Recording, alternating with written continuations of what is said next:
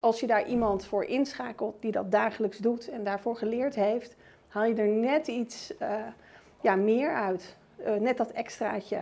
Ja. En dat is niet voor ieder project nodig, maar uh, veel projecten kunnen het wel gebruiken. En daarom is het handig om daar een adviseur voor in te schakelen. Je leert het door te doen en dat is hetzelfde met die kunstwerken. Inmiddels um, begrijp ik wel, als je dossier na dossier doet, waar uh, zit het probleem. Um, ga niet invullen hoe je iets moet uitleggen. Ga niet bedenken, oh ja, maar dat had ik vijf projecten terug ook. En toen werd daarover geprocedeerd en toen kwam er dit en dit uit. Of ga vooral niet op internet zoeken hoe dat in andere uitspraken wordt uitgelegd. Um, schrijf op wat je bedoelt. Welkom bij de Praktijkmeesters Civiele Techniek podcast. Mijn naam is Patrick Wagenaar en in deze podcast bespreek ik hoe het nu eigenlijk in de praktijk werkt. Dit doe ik door het delen van tips, tricks en interviews om zo mijn civiel-technische praktijkkennis en die van anderen met jou te delen. Wijs, ik ben vandaag de gast bij Movaris. En we zitten in een van de twee uh, torens in Arnhem. De Blauwe Toren, super mooi uitzicht, heb ik net uh, gezien. En uh, ik ben te gast bij Annerieke van der Linden. Ja, inderdaad. En wij kennen elkaar van een project dat we samen draaien eh, bij de provincie Gelderland. Uh, en jouw expertise ja, mag je zelf misschien even toelichten. En ik ga je zo meteen uh, vragen aan het einde van de podcast of jij een, een tip hebt voor onze luisteraars. Ik weet dat je ze hebt. Ja. Maar ik ga daar goed, goed over nadenken denk, in dit gesprek. Denk oh, de thee is heet nog. De thee is heet. Wil jij jezelf voorstellen voor de mensen die jou nog niet kennen? Natuurlijk. Uh, ik ben Annerieke van der Linden. Ik ben contract- en aanbestedingsjurist.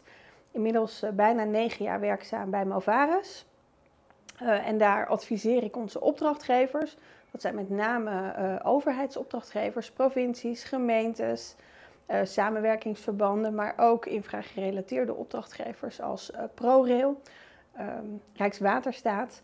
En die adviseer ik binnen de infrasector over te maken contractkeuzes. Dus welke contractvorm kies ik voor mijn project en hoe richt ik dat in?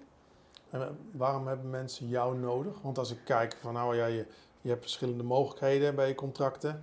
Uh, eigenlijk is het wel een beetje er zijn, eh, er zijn maar een paar opties. En je kunt dat uh, tot op grote lijnen kunnen mensen dat heel goed zelf. En is het voor een groot deel ook ervaring. Ja. Oh, ik moet je niet te ver anders rol je het beeld oh, uit. Anders rol ik het beeld uit. Oké, ik zal niet te comfortabel worden. voor, voor, de mensen die, die alleen luisteren, we zitten op stoelen met wieltjes. En uh, de stoel van Annerieke rolt langzaam het beeld uit. Dus, ik zat heel comfortabel te vertellen. Mag nog steeds. Um, ja, um, je kunt dat natuurlijk zelf. Er zijn een paar smaken. Um, waar mijn expertise in zit, is om voor het project, voor de opdrachtgeversorganisatie en de specifieke marktsegment uh, waar de opdracht voor bedoeld is, een mooi en evenwichtig contract te maken. Net als dat we zelf uh, heel goed kunnen bedenken hoe een huis er ongeveer uit moet uh, komen te zien. We weten waar je de badkamer handig vindt, we weten waar je de woonkamer handig vindt als je daar iemand voor inschakelt die dat dagelijks doet en daarvoor geleerd heeft, haal je er net iets uh, ja, meer uit. Uh, net dat extraatje. Ja. En dat is niet voor ieder project nodig, maar uh, veel projecten kunnen het wel gebruiken. En daarom is het handig om daar een adviseur voor in te schakelen. Ja, ik had even gescrolld op jouw LinkedIn-pagina. en het viel me op, je bent begonnen als advocaat. Ja, ja, ik ben... Uh, Eens advocaat, altijd advocaat? Nee, nee. Ik ben uh, vol overtuiging gestopt met de advocatuur. ik ben inmiddels heel lang geleden, 22 jaar geleden, begonnen met studeren. en dat was in de tijd dat er grote advocatenseries op tv waren, zoals Ellie McBeal. dacht ik, rechten, dat, dat wordt het. Van hot naar her, naar de rechtbank. En ik ga daar wervelende pleidooien houden. En toen ik eenmaal die studie door was, vond ik het nog steeds ontzettend leuk uh, om met het recht bezig te zijn. En leek de advocatuur eigenlijk nog steeds heel veel. Uh, ik ben begonnen bij een heel mooi kantoor in Nijmegen in het bouwrecht. Uh, en daar ben ik eigenlijk per ongeluk ingerold. het was in de tijd dat het niet heel makkelijk was om een positie in de advocatuur te krijgen. Dus ik ben begonnen met solliciteren. Het klikte en ik ben daar aangenomen. Ja. En toen kwamen we daar ja, heb ik het vak leren kennen. En dat, uh, dat beviel en dat vond ik ontzettend leuk. Ik ben halverwege nog een keer overgestapt naar een ander kantoor. En was dat voor, puur voor bouw of is, schaar je uh, bouw ook onder infrabouw? Uh, puur bouw. Dus we deden ook utiliteitsbouw. We hadden een, een, klantenkring die met name bestond uit aannemers. Dus ik heb voor veel aannemers uit de regio opgetreden. Mhm. Grote aannemers, middelgrote en kleine aannemers. En dat zijn dan zaken, ehm, uh, ja, een, een, schuurtje wat scheef staat, wat niet goed gemetseld is, een lekkage. echte technische mankementen. daken die instorten. het was de tijd van de afvallende balkons. Daar heb ik een paar oh, zaken over gedaan. Um, veel geprocedeerd bij de rechtbank, bij de Raad van Arbitrage. Dus echt voor de aannemer. Ook wat aanbestedingsgeschillen gedaan. En dat was superleuk. Ik vind het een hele leuke uh, ja, groep om voor te werken. Ik hou ervan dat mensen uh, druk bezig zijn om echt iets moois te maken. Ik vind ook iedereen die je tegenkomt in de aannemerij... is echt eager om een mooi project af te leveren. Uh, het is nooit, oh, dat hebben we al tien keer gedaan, dat doen we wel. Maar ze besteden altijd effort aan een mooi eindresultaat. Helaas gaat dat niet altijd goed. En dan vind ik het ook leuk om partijen te helpen om uh, daar een oplossing in te vinden. Uh, in de advocatuur kon ik dat niet helemaal kwijt. Dan word je ook vaak ingeschakeld als er ruzie is, als mensen gedoe hebben. Um, en dat heeft mij aan het, aan het denken gezet. Is dit nou wel wat ik wil? En in die tijd ben ik privé ook, wat nu mijn man is, tegengekomen. En die zei, ja, ik vind het allemaal heel, heel leuk en gezellig. Maar die advocatuur, daar moet je misschien nog eens over nadenken. Ik vond het heel moeilijk om daar een, een goede werk-privé-balans te vinden. En toen wij een gezin wilden starten, toen ben ik gestopt met de advocatuur. Oké. Ja, en toen ben ik iets anders gaan zoeken en eigenlijk ook weer per ongeluk hier bij Movaris terechtgekomen. Want dat, je hebt, als ik dan denk van, ja, je bent advocaat geweest voor aannemers komen heel veel technische dingen voorbij. Ja. Techniek, is dat iets wat jou aantrekt? Of zeg je van nou, het is iets wat je erbij krijgt en uh, het gaat mij meer om de... Uh... Nee, ik vind het heel leuk. De, de oplossing um, voor een juridisch geschil ligt vaak in de techniek. Je weet pas wie er aansprakelijk is als je weet wat de oorzaak van het probleem is.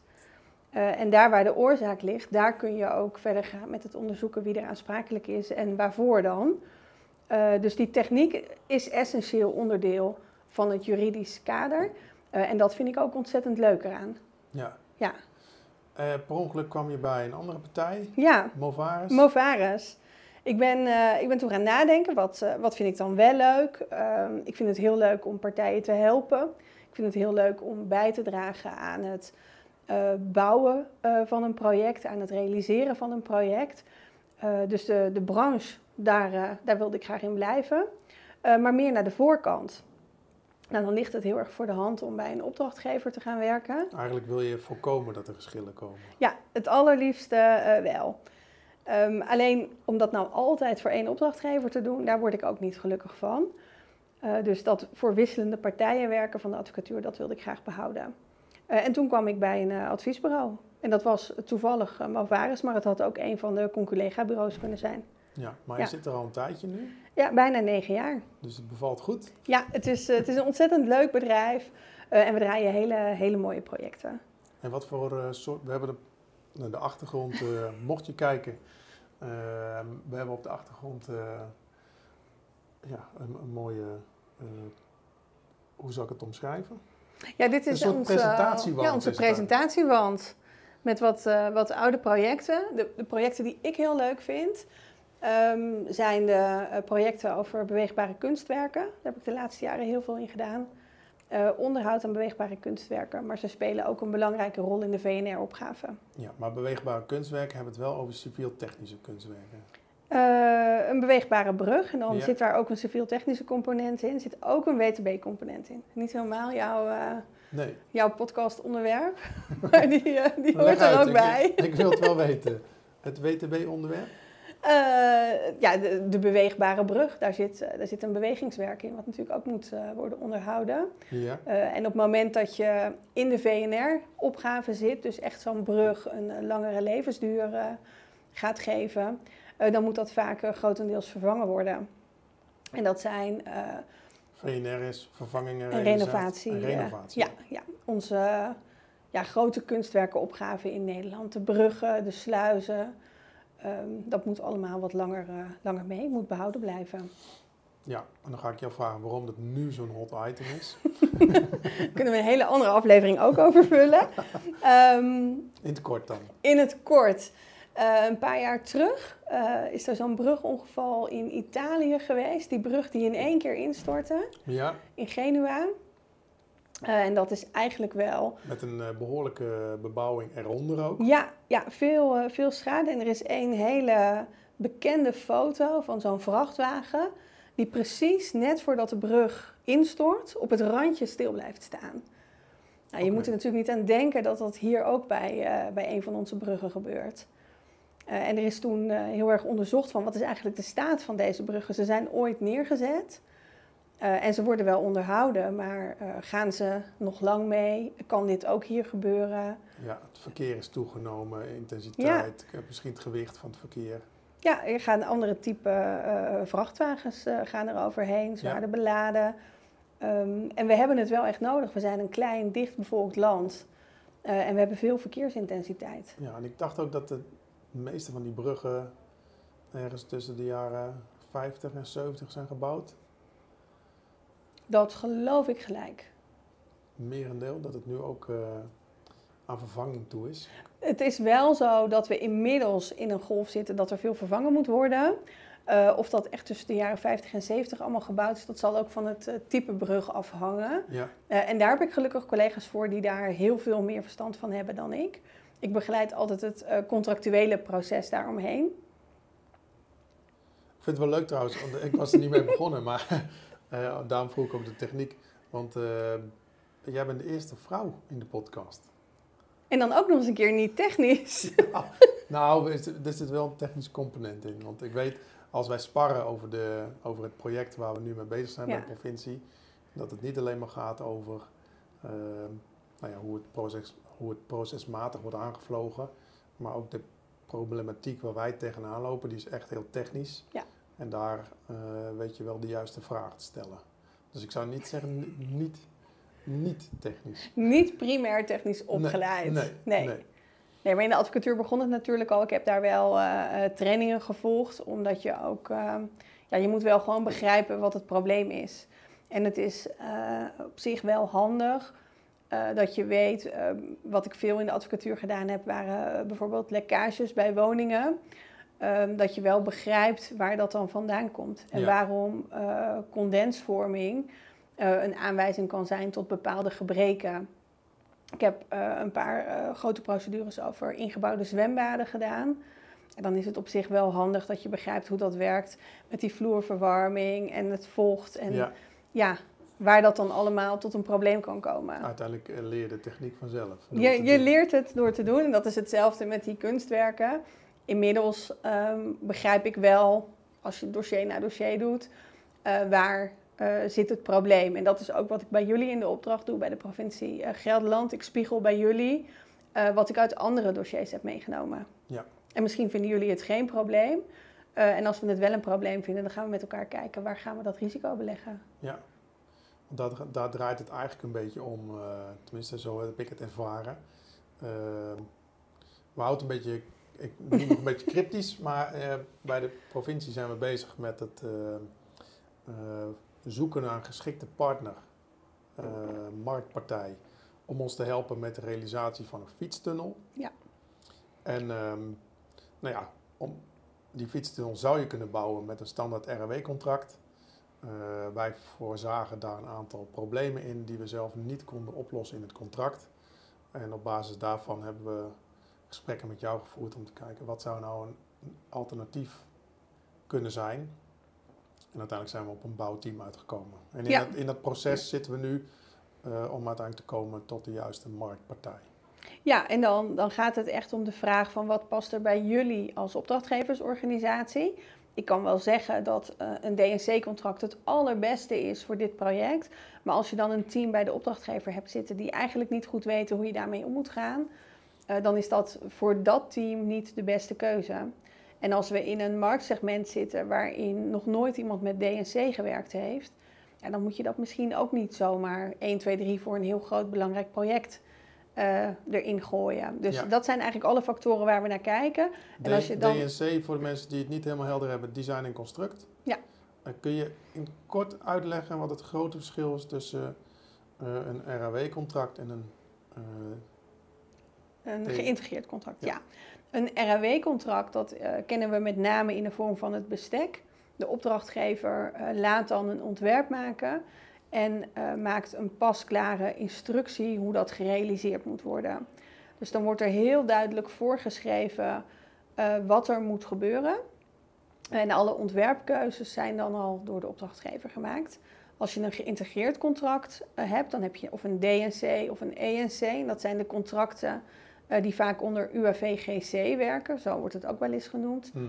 Eh, en die contracten die gaan uit van een ontwerpcomponent bij de aannemer. Ja, dat is zeg maar eh, DNC is design en construct. Ja, dat is veel ontwerp. En, engineering. en engineering en construct is nog weinig onderwerp. Ja. Maar dat is altijd wel meer ontwerp dan alleen het detailontwerp wat in een bestek zit. Ja. Dus dat zijn de, de grote verschillen. En het, het gaat er dan in mijn dossiers altijd om wat past nou het beste eh, bij het project. En als je voor het ene kiest, dan heb je voordelen, maar ook nadelen van die keuze. Eh, en hetzelfde geldt voor een andere keuze. Ja, dat is misschien wel leuk, want ik heb er ongetwijfeld ook een visie over.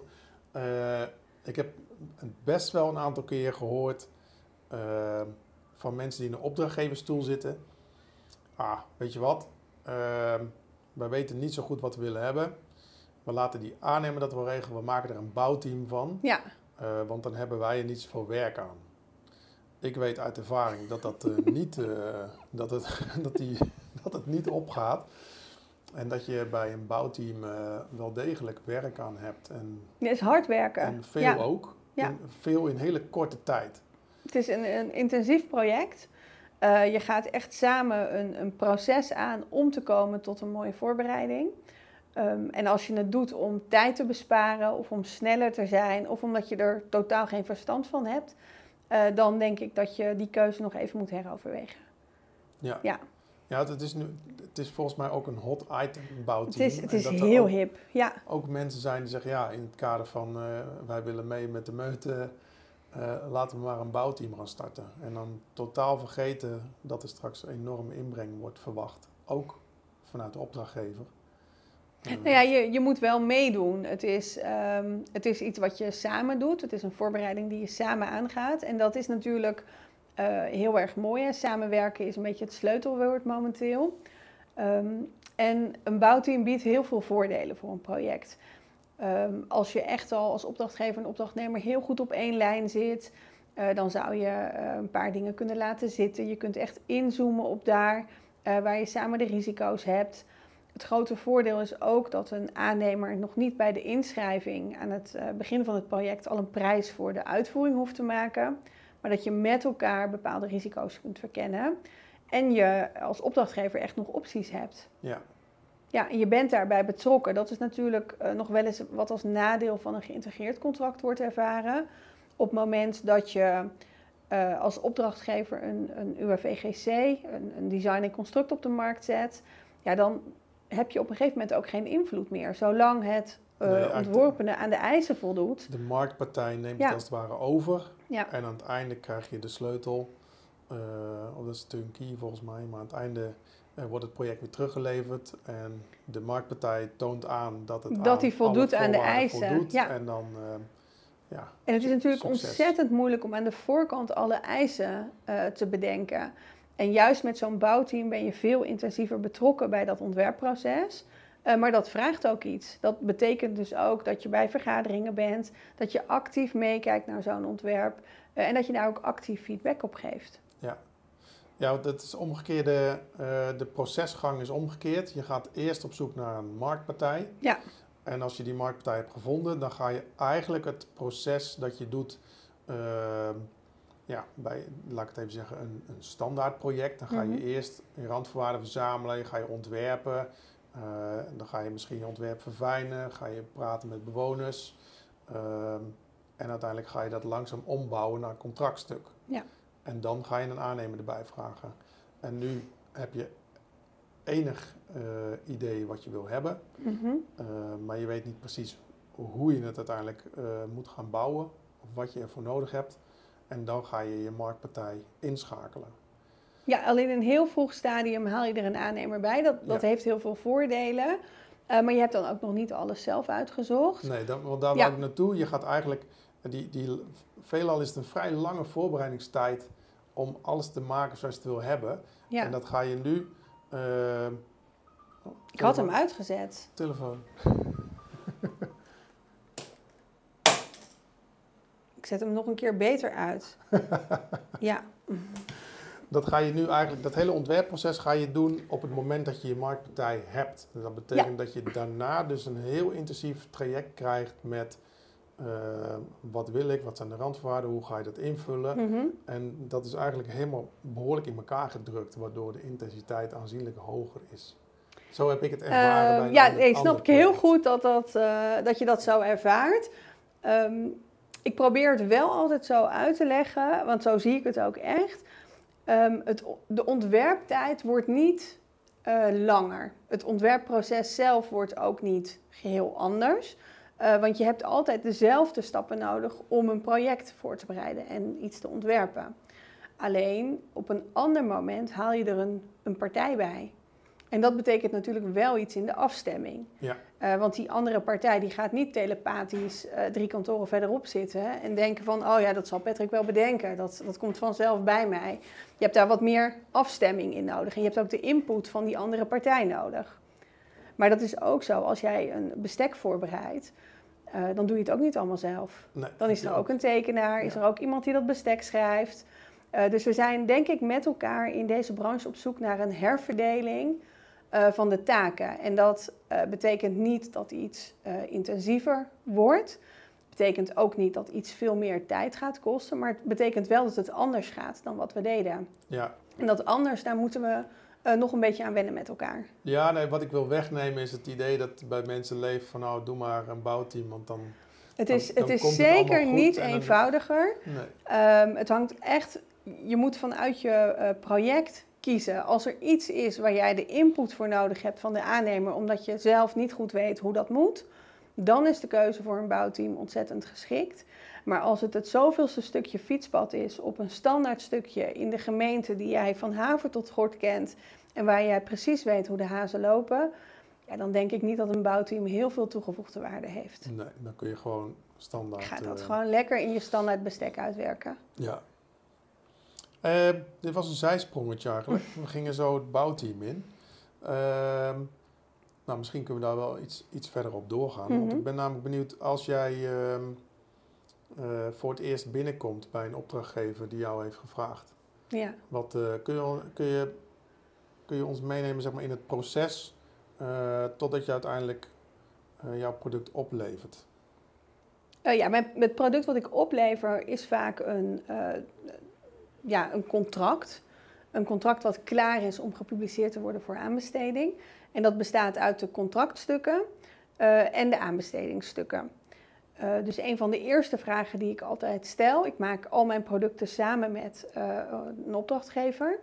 Um, wat ga je aan mij en mijn collega's vragen en wat doe je zelf? En het tussenproduct wat daar heel handig bij is, is een contractadvies. Dat je gewoon vroeg in het proces weet waar gaan we nou eigenlijk met z'n allen naartoe werken? Werken we met elkaar naar een bestek of werken we met elkaar naar een bouwteam of een geïntegreerd contract? Um, dus dat is qua producten. En het proces begint eigenlijk altijd met vragen: wat, wat willen mensen? Waar zijn ze naar op zoek? En dat, is, dat, uh, dat, is het mooiste. Hele leuke gesprekken waren. Wat willen we nou eigenlijk? En we zaten volgens mij met z'n vier in een ruimte. En, en twee roepen dit en ander roepen wat anders. Ja, en dat zijn wel de projecten waar ik het meest enthousiast van word. Um, en ik zeg intern altijd, mijn werk is niet zo heel erg ingewikkeld. Um, en je zei, het, je zei het net zelf ook al, waarom zou je mij eigenlijk inschakelen? Want dit is iets waar we allemaal echt wel een mening over hebben. En die mening is helemaal niet zo verkeerd. We weten prima waar we mee bezig zijn.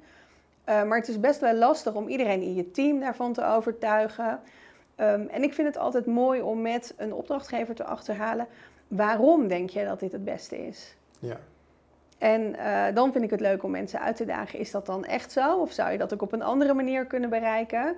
Uh, en zitten daar dan misschien andere voordelen aan die je nog niet ziet? Ja, ik weet wel dat het vrij intensieve gesprekken waren.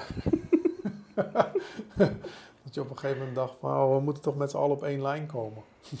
Nou ja, en, en is soms wel- is dat niet. Nou Dan moet iemand met zijn vuist op tafel slaan en zeggen Ja. van dit doen we. Eh, maar als je met elkaar goed doorgrondt waarom je iets wil. eh, ik vind het ook altijd heel interessant eh, om te horen wat mensen voor een opdrachtnemer voor ogen hebben bij een bepaald project.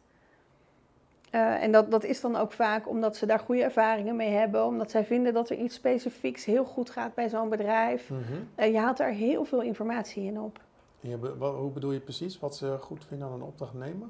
Nou, als we bijvoorbeeld een, eh, een stukje fietspad als voorbeeld nemen, vind ik het altijd heel helpend om aan een opdrachtgever te vragen: en wie zou jij dit nou willen laten uitvoeren? En dan noemen ze aannemersbedrijf X, want die hebben alle andere stukjes ook gedaan, of die hebben zo'n mooie machine, of die hebben zo'n fijne manier van werken, die werken heel netjes, Ja. of hun bewonersbrief is fantastisch. Je haalt daar heel veel informatie uit eh, bij die mensen. En dat kun je weer gebruiken als En dat, als dan kun je eh, dus zien wat is nou belangrijk voor iemand. Ja, dat is een slimme manier. Ja, hoe, eh, ja, hoe sta je erin en wat wil je? Want ik geloof er niet in dat het mijn rol is om jou te vertellen dat je het anders moet doen. Ik wil heel graag ervoor zorgen dat dat wat jij doet, dat je daarachter staat, dat het voor jou een goede keuze is. Ehm, en dat die ook echt past bij je project. Ja, Maar ik maak de keuzes niet. nee, dat weet ik. Ja, sorry, dat, dat is nog wel eens lastig. Nee, maar dat is wel, je merkt dat als je in zo'n gesprek zit, dat je dan, eh, je stelt vragen. En eh, soms kun je niet, we- konden we niet goed een antwoord geven. Ja, En dan is het dus heel erg, eh, dan begint de discussie. En dat is denk ik heel goed dat die discussie wordt Ja. gevoerd.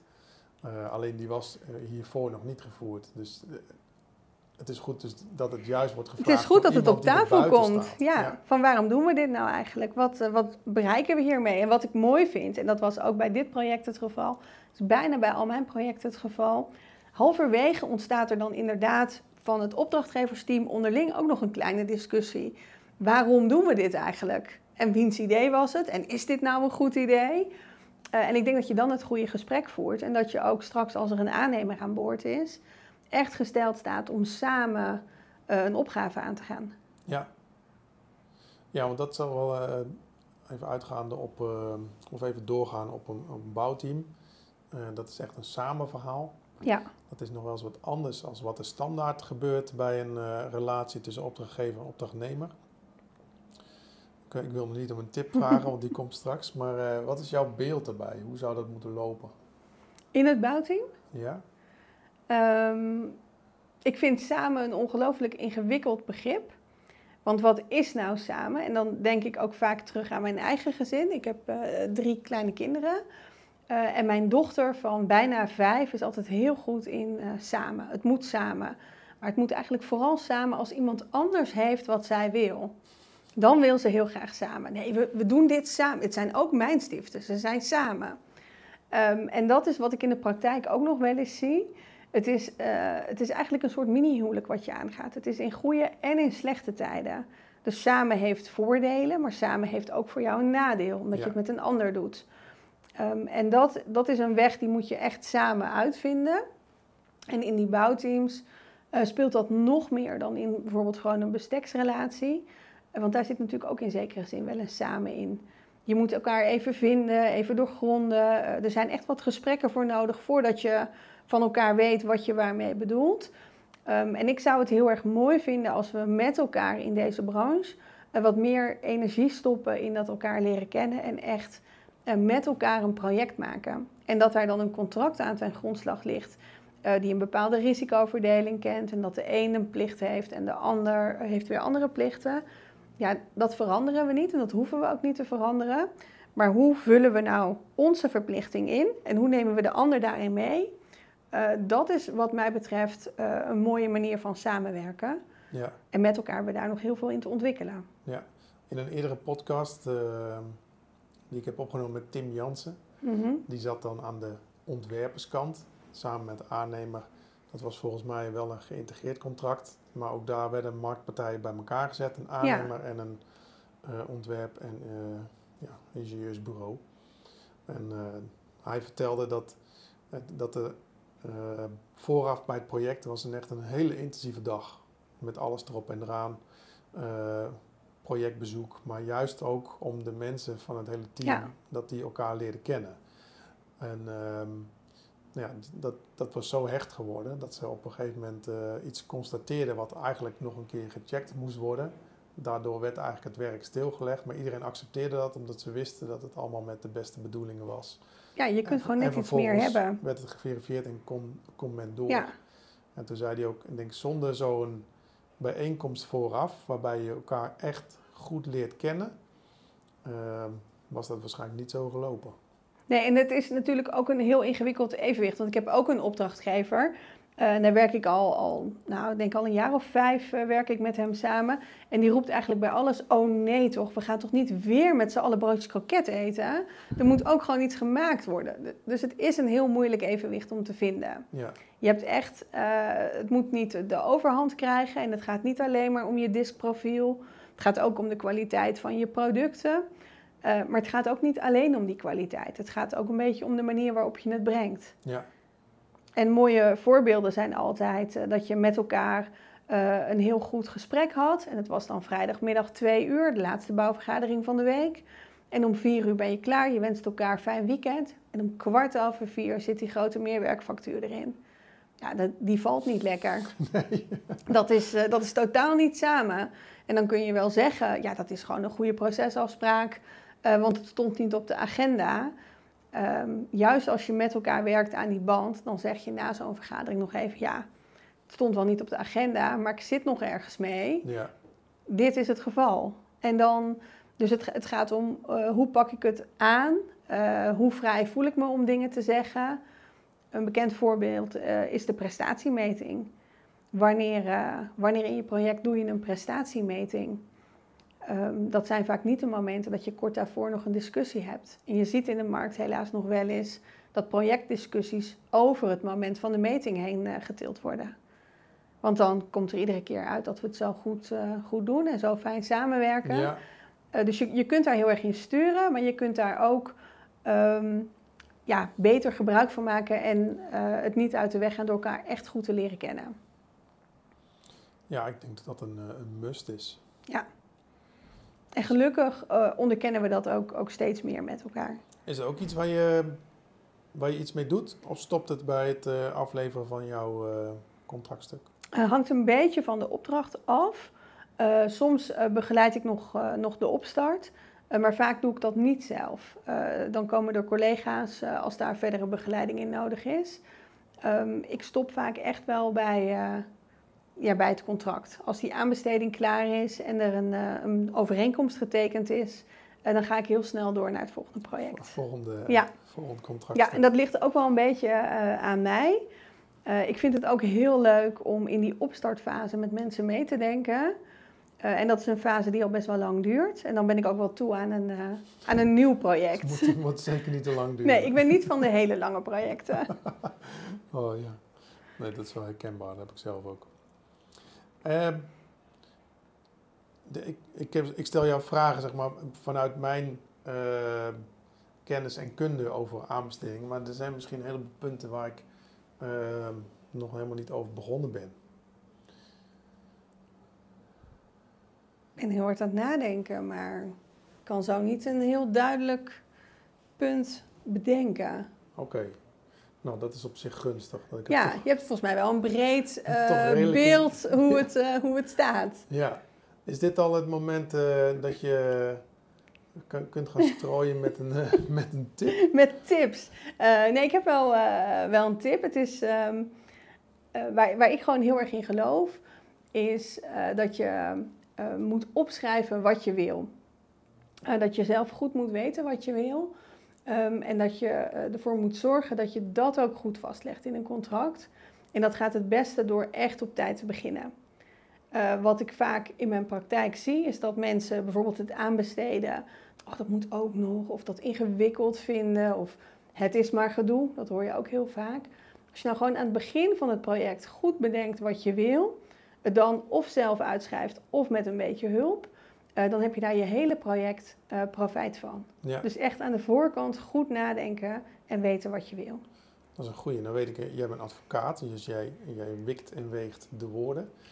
Ik, zie het, ik zie het ook Het, het komt gewoon in de dagelijkse praktijk zo vaak voor dat je zegt, maar ja, dat, kijk dan, dat heb ik nog opgeschreven. En dan lees je het. Ja, maar je hebt dit opgeschreven en je bedoelt dit.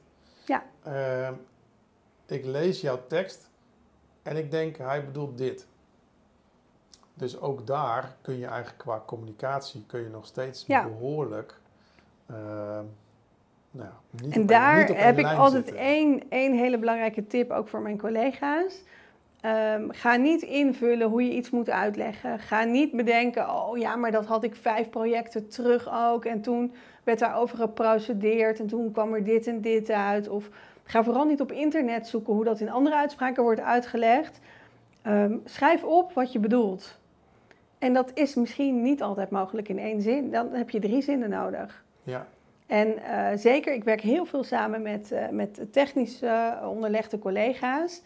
Kort, bondig, smart. Ehm, dat kan helaas niet altijd in een contract. Waar waar het kan, moeten we dat ook doen.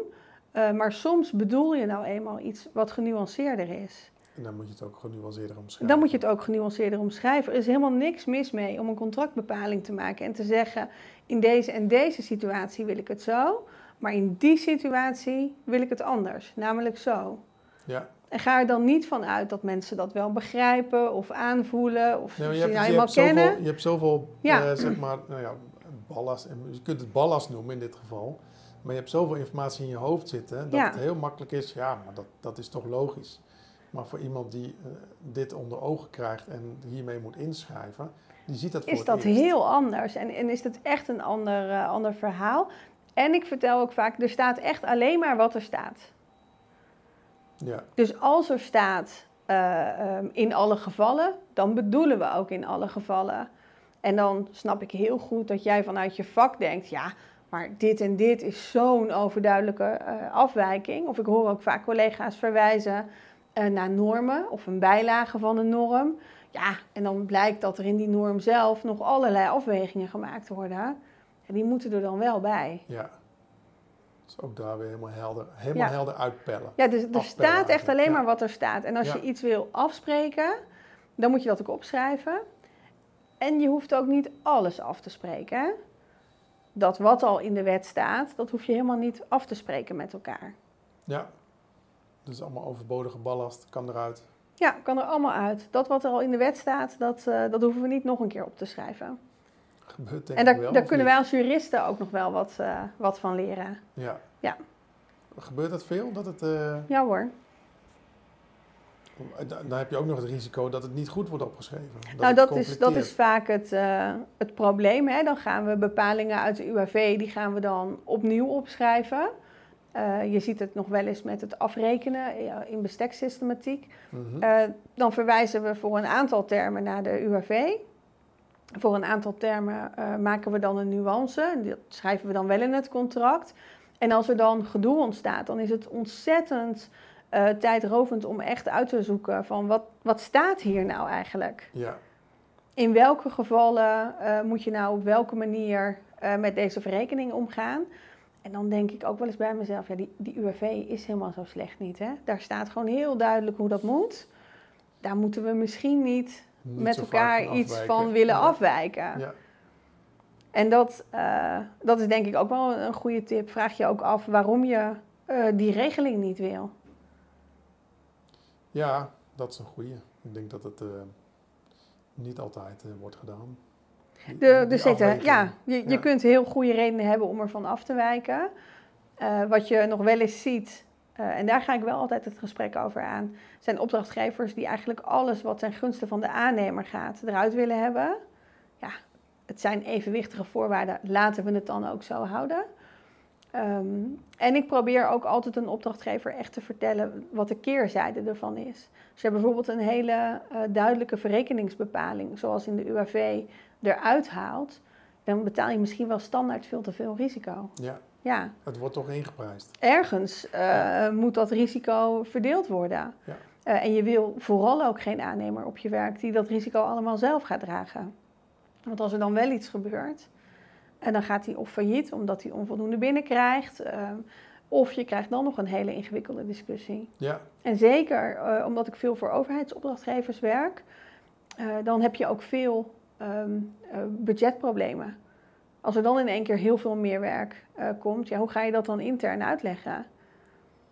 Ja, dan moet je budget, die, zijn vaak gelabeld. Ja, en jij wist het toch en er zat toch een goede raming achter en hoe kan dat dan? Nou, en dat soort problemen uh, zijn gewoon echt wel te voorkomen door aan de voorkant heel goed na te denken.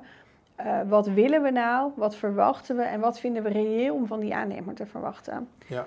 En soms betekent dat dat er verrekend moet worden. Nou, het lijkt me, ik vroeg één tip en we kregen er drie. ik vond het, tenminste, ik vind het zelf ook heel leerzaam. Dus, uh, Mooi. Dus, uh, soms is het lastig te luisteren en ondertussen ben je het aan, aan het uh, verwerken. zijn er nog zaken die, die ik niet heb besproken, waarvan je zegt, nou, die wil ik toch nog even kwijt? Nee, ik vond het, ik vond het een heel leuk gesprek. Dat vind ik ook. Ja, echt, ja, ja, heel... ik wist ook niet zo goed wat ik, wat ik moest verwachten, maar dit is... Alleen, alleen, ja, heel leuk. alleen maar kennis delen. Alleen maar kennis. Nou, dat is, dat is leuk. Ja, nou, uh, Anneriek, enorm bedankt voor jouw tijd. Dankjewel voor de uitnodiging. Uh, ik zal jou... oh ja, hoe kunnen mensen jou benaderen? Als jij vragen hebben voor jou. Tenminste, als je, als je dat leuk vindt. Als je zegt, vooral, vooral niet doen, mij niet bellen. Nee, ze mogen altijd op mijn LinkedIn-pagina kijken. Ja. Annerieke van der Linden. daar is er maar eentje van. Ik werk bij Movares.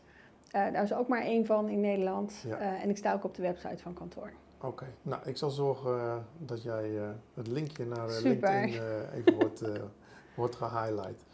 enorm bedankt voor je tijd. Top, graag gedaan. En wij houden gewoon contact. Wij houden zeker contact. Dankjewel. Bedankt voor het luisteren naar deze podcast.